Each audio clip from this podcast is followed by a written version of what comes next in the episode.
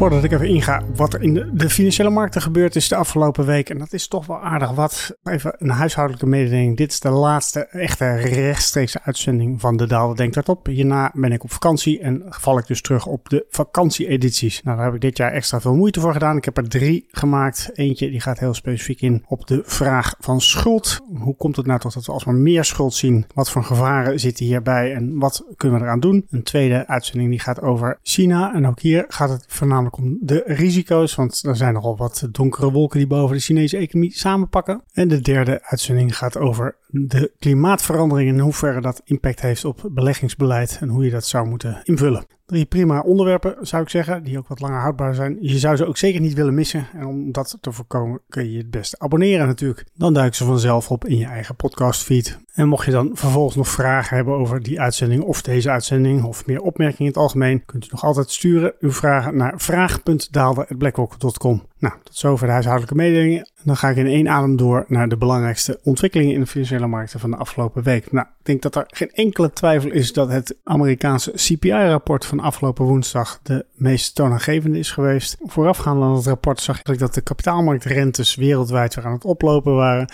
En dat het ook weer precies op zo'n pijnpunt terecht was gekomen. Maar elke stijging, elke basispuntstijging van de kapitaalmarktrente gelijk weer tot een soort van sell-off in aandelen leiden. Nou, dat CPI-rapport, het inflatierapport, maakte daar gelijk een einde aan. Want we kregen voor het eerst sinds maanden weer eens een keertje te maken met een positieve verrassing. Niet een negatieve verrassing, maar een echte meevaller. De consensus die verwachtte eigenlijk dat de inflatie 3,1% zou zijn. De headline inflatie, het werkelijke inflatiecijfer was 2,9692%.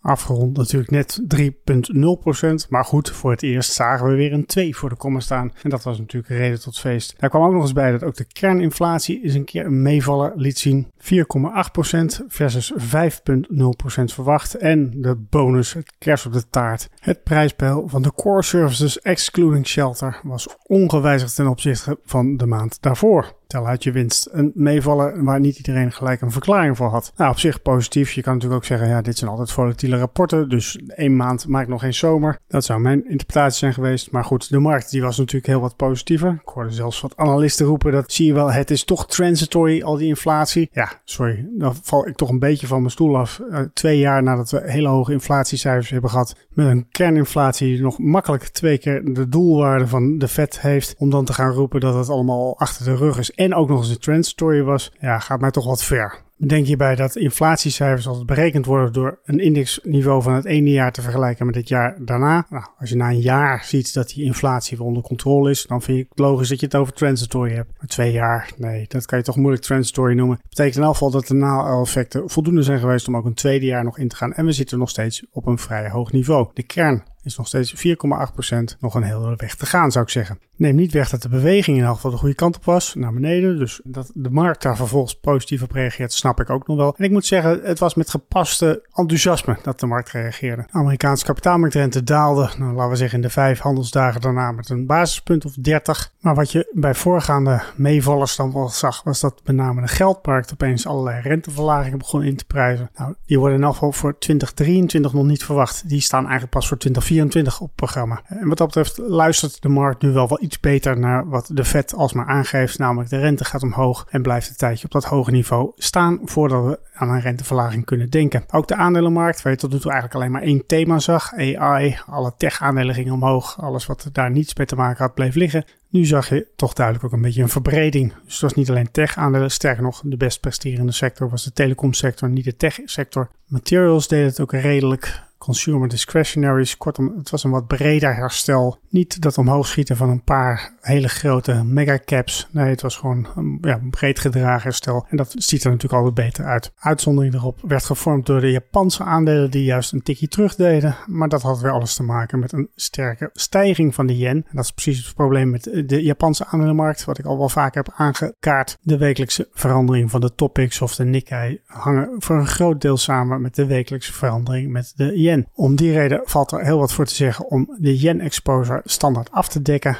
Vooral ook omdat je op dit moment daar een premie voor ontvangt als je een Europese belegger bent. Nou, waarom was dan die yen opeens zoveel sterker? Dat had weer alles te maken met de speculatie dat de Bank of Japan dan toch binnenkort een keer een draai zou kunnen maken. Ik geloof dat de laatste week van juli de Bank of Japan bij elkaar komt. In dezelfde week trouwens dat de Federal Reserve en de ECB uiteraard bij elkaar komen. Maar goed, de ogen zijn nu alweer gericht op de Bank of Japan. Je zag ook dat de kapitaalmarktrente, de 10-jaarsrente in Japan de afgelopen week gestaag weer is opgelopen. En op dit moment handelt op een niveau van ongeveer 48 basispunten. Twee punten verwijderd van de, zeg maar, de bovenkant van de range die de Bank of Japan tot nu toe nog hanteert. Even een kleine disclaimer hierbij. Ik neem het deze week, deze podcast op maandag 17 juli op. Dus het kan best zijn dat tegen de tijd dat jullie luistert, zo vroegst is dat woensdag 19 juli, er weer het een en ander veranderd is in deze koersen.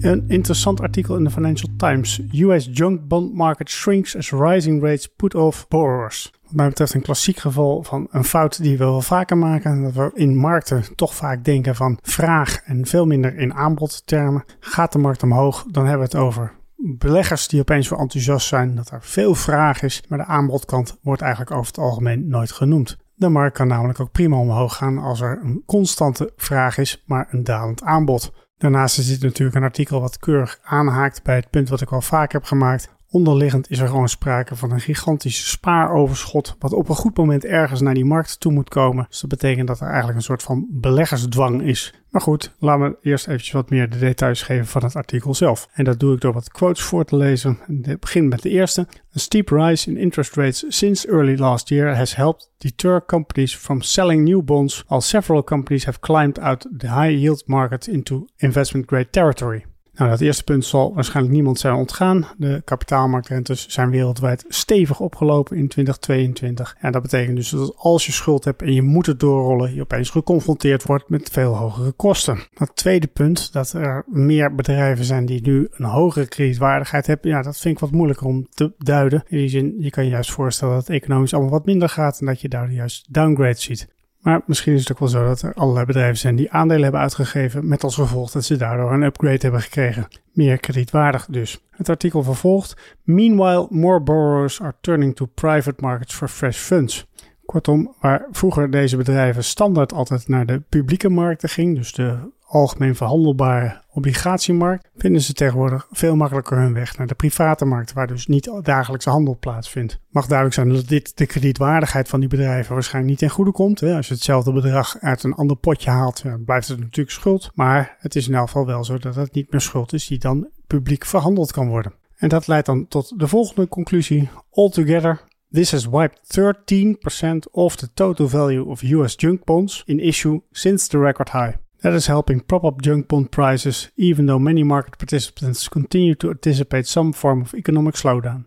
Kortom, wat je de afgelopen, nou, laten we zeggen, maanden hebt gezien, is dat de spreads, de extra kredietvergoeding die je krijgt, doordat je investeert in dit riskantere deel van de obligatiemarkt, bedrijfsobligatiemarkt, dat die eigenlijk de afgelopen maanden gestaag zijn teruggelopen. En dat terwijl er toch alsmaar de verwachting is dat er een recessie komt. Kortom, er is een mismatch, of althans zo wordt het in elk geval in, het artikel van de Financial Times neergezet. Een mismatch tussen wat je in de markt ziet, spreads die naar beneden komen, en de onderliggende realiteit van de economie. Nou mag je natuurlijk hopen dat dat tot een soort van heroverweging van junkbonds leidt. Als je niet voldoende gecompenseerd wordt voor de risico's die je loopt, nou, dan ga je natuurlijk op zoek naar alternatieven die dat wel doen. Bijvoorbeeld doordat je een deel van je tegoeden niet meer via de publieke markt belegt, maar een deel via de private markten gaat beleggen. Nou, dat kan en dat zal op een gegeven moment misschien wel plaatsvinden. Zeker als je ziet dat daar wel betere risicorendementsverhoudingen worden geboden. Maar de ervaring leert dat het echt al een tijdje duurt voordat een pensioenfonds bijvoorbeeld tot een andere allocatie van zijn beleggingsbeleid overgaat. En dan heb ik het nog niet eens over mijn eigen beleggingsportefeuille. Ik leg elke maand nog braaf een vast bedrag in in de high yield markt. Ja, voordat ik eenmaal door heb dat ik daar eigenlijk een beetje een gekke henkie ben, ben ik natuurlijk ook wel een paar maanden verder. Als het niet veel langer is dan dat. Kortom, dit is precies de beleggingsdwang die je ziet. Elke maand komt er weer nieuw geld naar die markt, moet belegd worden. En dat kan best wel tot behoorlijke mismatches leiden voordat er weer een soort van herallocatie plaatsvindt. Vorige week kreeg ik een luisteraarsvraag naar welk boek ik nou eigenlijk zou kunnen aanbevelen om onder de parasol te gaan lezen. Het ging in dat specifieke geval om een economenboek of een financiële marktenboek. Nou, ik heb al aangegeven, daar ben ik zelf niet zo'n heel groot fan van. Tijdens mijn vakantie lees ik toch liever gewoon andere boeken die wat minder met de markt te maken hebben. En eigenlijk kwam ik tot de ontdekking dat ik over het algemeen een vrij kritische lezer ben. Dus er zijn vrij weinig boeken waarvan ik gelijk zeg, yes, deze moet je lezen. En een goed voorbeeld daarvan was Moby Dick. Die heb ik de afgelopen, nou, laten we zeggen, drie maanden gelezen. Die zin, ik heb hem als luisterboek geluisterd, dus niet echt gelezen. Een beetje cheated voelt het wel. Maar man, wat ben ik blij dat ik dat niet gewoon bladzijde voor bladzijde gelezen heb. En gewoon op anderhalf keer speed heb langs horen komen. Want van die 750 bladzijden ging het grootste gedeelte gewoon over totaal niets. Nou, volgens mij had ik dat al een keertje eerder gemeld, dus waarom kom ik hier nou weer op terug? Niet omdat ik zo graag wil laten horen dat ik Bobby Dick gelezen heb. Nee, het gaat om de podcast tip van deze week. Dat is er eentje van Freakonomics. Luisteren naar de First Great American Industry. En je raadt al waar het over gaat. Het ging over whaling. Dus walvisvaart. Het is de eerste van volgens mij twee afleveringen. En hier kwam iemand aan het woord die Moby Dick wel dertien keer gelezen had. En het het mooiste boek aller tijden noemde. Ik weet niet meer precies of dat exacte bewoording was. Maar was in elk geval zeer onder de indruk. Dus wat dat betreft was ik het volledig niet met hem eens. Maar de rest van de podcast is zeker de moeite waard. In die zin, je kan het je haast niet voorstellen. Maar vroeger werden straatlantaarns en andere vormen van verlichting voornamelijk gedaan puur op basis van de verbranding van walvisolie. Parfum, paraplu's, corsetten, alles was afhankelijk van de walvisindustrie. En die was dus echt wel redelijk groot op zijn hoogtepunt. Het opmerkelijk daarbij is dat dat in de eerste instantie een industrie was die met name vanuit het VK en tot op zekere hoogte Nederland werd bedreven. Maar dat dat op een goed moment volledig werd overgenomen door de Amerikanen. Nou, en dat vind ik wel interessant. Waarom zijn die Amerikanen zo groot geworden? Of het helemaal klopt, weet ik niet. Maar in deze podcast wordt in elk geval gesteld dat de veiligheidsmaatregelen in Europa, Nederland, Engeland veel hoger lagen. Dat er allerlei regels waren waar je aan moest houden, terwijl dat in Amerika niet zo was. Eigenlijk een beetje het wilde westen. Iedereen die in Amerika zin had om aan boord te gaan en zijn leven te wagen, was vrij om dat te doen. Ja, en dat ging natuurlijk lang niet altijd goed. Maar hoe cares? Want er waren er altijd genoeg die wel gewoon terugkwamen met de beoogde vangst. Het is een typisch voorbeeld van de winner takes all. De mentaliteit die je eigenlijk tot nu toe nog steeds terugziet in, nou, volgens wederom de podcast, het Uber-model. Gewoon gaan en later pas zien wat je allemaal kapot gemaakt heeft om te kijken of je dat nog kan repareren. Hierbij speelt dan vervolgens ook nog eens een keertje waarschijnlijk de thuismarkt een grote rol. Waar je in Europa, Nederland natuurlijk de Nederlandse markt had. Engeland de Engelse markt. Is de Amerikaanse markt veel groter. Dus je kan ook nog eens een keertje heel erg veel schaalvoordelen halen. En nu komt een subtiel bruggetje. Nu we het toch over de luisteraarsvragen hebben, heb ik deze week ook weer een vraag ontvangen. Van een jonge student die in obligaties wil beleggen. Hierbij geeft hij aan dat hij niet langer dan vijf jaar wil beleggen. Dus vrij kort voor elke belegging zou ik zeggen. Maar goed, het kan vijf jaar. En dat hij het liefst ETF's wil beleggen, waar, let op, hij niet alleen de rente terugkrijgt, maar ook de aflossing binnen die vijf jaar terugkrijgt. Dus dat er niet herbelegd wordt. Ik lees een klein stukje voor. Bij alle ETF's die ik ken worden de afgeloste leningen opnieuw gebruikt om nieuwe leningen aan te gaan. Dit brengt wat mij betreft extra risico mee voor toekomstige rentewijzigingen en of weer negatieve staatsrentes. Nou denk ik dat negatieve staatsrentes nou niet zozeer een negatief risico is het moment dat jij in obligatie belegt, want zal de waarde van je obligatie natuurlijk stijgen. Maar ik snap inderdaad het punt. Na vijf jaar wil je klaar zijn. Je wil graag beleggen in obligatie. En voor de rest wil je niet risico hebben dat op het moment dat je weer gaat verkopen, een jaar als 2022 heeft plaatsgevonden. Dus dat je tegen grote verliezen alsnog je portefeuille moet afbouwen. Klinkt logisch, maar ik zou zeggen, als je dan toch zeker weet dat je looptijd precies vijf jaar is, waarvoor koop je dan niet gewoon een vijfjarige obligatie? Waarom doe je zo moeilijk om een ETF te vinden als er eigenlijk gewoon perfect een instrument is wat precies doet wat je wil? Namelijk nu beleggen, vijf jaar krijg je rente en na vijf jaar krijg je inleg terug. Dat is een vijfjarige staatsobligatie. Als je nog een beetje wil spreiden, zou je nog kunnen zeggen: ik koop een Nederlandse en een Duitse vijfjarige staatsobligatie met ongeveer dezelfde looptijd, waarbij de ene misschien in januari afloopt en de volgende in juli. Dan heb je nog iets van een spreiding. Maar dat is een stuk minder ingewikkeld dan dat je een ETF gaat proberen te zoeken die dit eigenlijk min of meer doet. Misschien zijn ze er wel. Ik ben geen product expert op dit gebied. Maar het klinkt alsof de meest simpele oplossing is gewoon teruggaan naar de staatsobligaties zelf. Overigens is het zeker geen domme vraag. Ik, ik ken ook echt voldoende pensioenfondsen die een buy-and-hold strategie hebben. Die kopen die obligaties en houden ze gewoon vast tot het einde. Overigens zijn dat vaak wel langere strategieën, dus juist een jaar of dertig. Maar die willen dan niet afhankelijk zijn van de management fee die ze elk jaar zouden moeten ophoesten. Ze kopen iets, houden 30 jaar vast en eens in de 3, 4, 5 jaar kijken ze nog eens een keertje naar wat ze doen met het geld wat weer vrijvalt. Meestal is dat keurig gematcht met de uitgaven die ze willen doen dat jaar. Dus is er wat dat betreft sprake van een goede match. Nou, en dat is misschien het enige risico van deze strategie. Je denkt wellicht dat je het geld over vijf jaar nodig hebt, maar misschien is dat zeven jaar. En dan heb je opeens een herinvesteringsrisico. Maar goed, wie dan leeft, die dan zorgt, zou ik zeggen. Nog zoiets waarvan ik altijd denk van hoe komen ze er toch bij? Dit gaat in dit geval over een shortcut van de London Review of Books. Luister naar de titel An Hour with George and Ed. Ik hoop dat u er nog bent. Eigenlijk gaat het hier om een recensie van een nieuwe podcast van ene George, George Osborne, voormalig BlackRock collega, maar beter bekend om het feit dat hij minister van Financiën was voor het Britse regering tussen 2010 en 2016. En Ed Balls, de schaduwminister van Financiën, die niet in het regering zat, maar onderdeel was van de Labour-partij en die dus inderdaad aan de zijlijn stond toe te schreeuwen hoe het wel allemaal zou moeten gaan. Nou heb ik die podcast niet geluisterd, dus daar gaat het in dit geval niet over. Het gaat over een stukje uit deze recensie. En dan ga ik even een quote doen en dat is het volgende. Conservative Lib Dem coalition was so awful, so stupid and cynical and cruel in its austerity program. En zo gaat hij nog even door, maar daar gaat het niet om. Het gaat erom dat hier wordt gedaan alsof er in die periode echt extreme bezuinigingen zijn doorgevoerd die de nagel aan de doodskist van de Britse economie zou moeten zijn geweest. Nou, als je puur kijkt naar de getallen, in 2009, 2010 had de Britse overheid een tekort van 10% van het BBP. 10%, laten we het even inzinken mag duidelijk zijn dat dat een niet houdbare situatie is. Dus dat je dat op een gegeven moment sowieso terug moet brengen naar normale proporties. Dan kan je natuurlijk eindeloos gaan zitten twisten wat normaal is en wat niet normaal is. Maar 10% is gewoon niet houdbaar. Nou, die 10% in 2010 bedroeg nog steeds 8% in 2012. Dus twee jaar later. Sterker nog, aan het einde van 2016 bedroeg het tekort nog steeds meer dan 3,3%. Het gemiddelde tekort over de periode 2008 tot 2016 kwam uit op 6,5% van het BBP. Hoe kan je dan met droge ogen beweren dat er sprake is geweest van austerity, van extreme ombuigingen? Als je dat nou vergelijkt met bijvoorbeeld de Duitse economie, ook die zag een behoorlijke stijging van het tekort. Van 2009 en 2010 werd zelfs eventjes een tekort van meer dan 4% aangetikt. In 2011 was dat vervolgens weer teruggebracht naar min 1%. Dat mag je best austerity noemen. En dat tekort liep vervolgens ook op naar een overschot van bijna 2% in 2018. Als je daarvan zegt dat de overheid de economie afknijpt, daar kan ik me best iets bij voorstellen. Maar dat je dat voor het VK blijft volhouden, is mij altijd een raadsel. En dit is niet een eenmalige uitschieter die ik toevallig ergens een recensie tegenkom. Dit is een algemeen levende gedachte dat die eh, Britse economie echt door een hel gegaan is. Door al die bezuinigingen die over het volk zijn uitgestort. Dit staat in geen enkele verhouding tot de bezuinigingen die je bijvoorbeeld in Nederland of in Duitsland zag. En al helemaal niet de draconische bezuinigingsmaatregelen die men in Griekenland heeft moeten doorvoeren.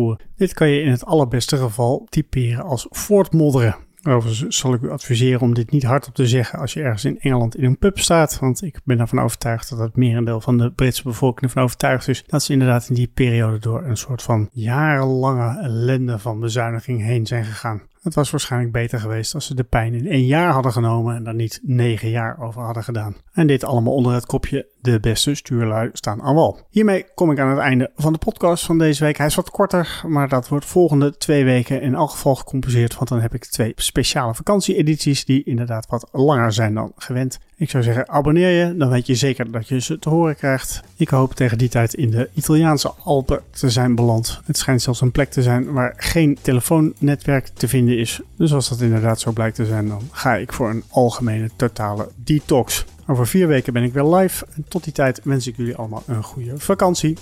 volgende keer.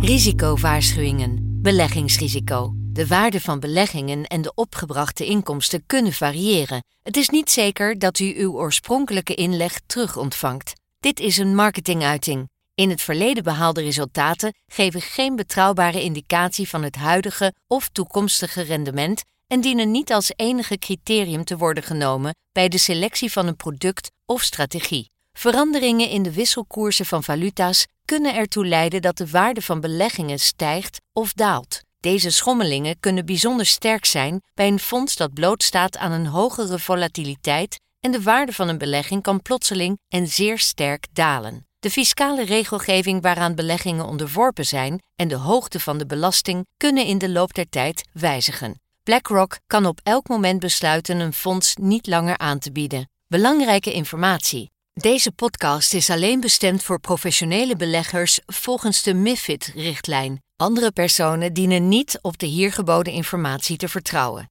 Deze podcast is uitgegeven door BlackRock Netherlands BV, dat een vergunning heeft verkregen en onder toezicht staat van de Nederlandse Autoriteit Financiële Markten. Officiële zetel Amstelplein 1 1096 HA Amsterdam. Telefoonnummer 020 549 5200. Ingeschreven in het handelsregister onder nummer 170 Om u te beschermen worden telefoongesprekken doorgaans opgenomen. Alle in deze podcast vermelde researchgegevens zijn verstrekt door BlackRock en kunnen door BlackRock inmiddels voor eigen doeleinden gebruikt zijn. De resultaten van dergelijke research worden slechts incidenteel verstrekt. De hier geuite visies vormen geen beleggingsadvies en kunnen aan verandering onderhevig zijn. Ze weerspiegelen niet altijd de gezichtspunten van een bepaalde onderneming binnen de BlackRock-groep of van een afdeling daarvan en de juistheid ervan kan niet worden verzekerd. Deze podcast is uitsluitend bestemd ter informatie.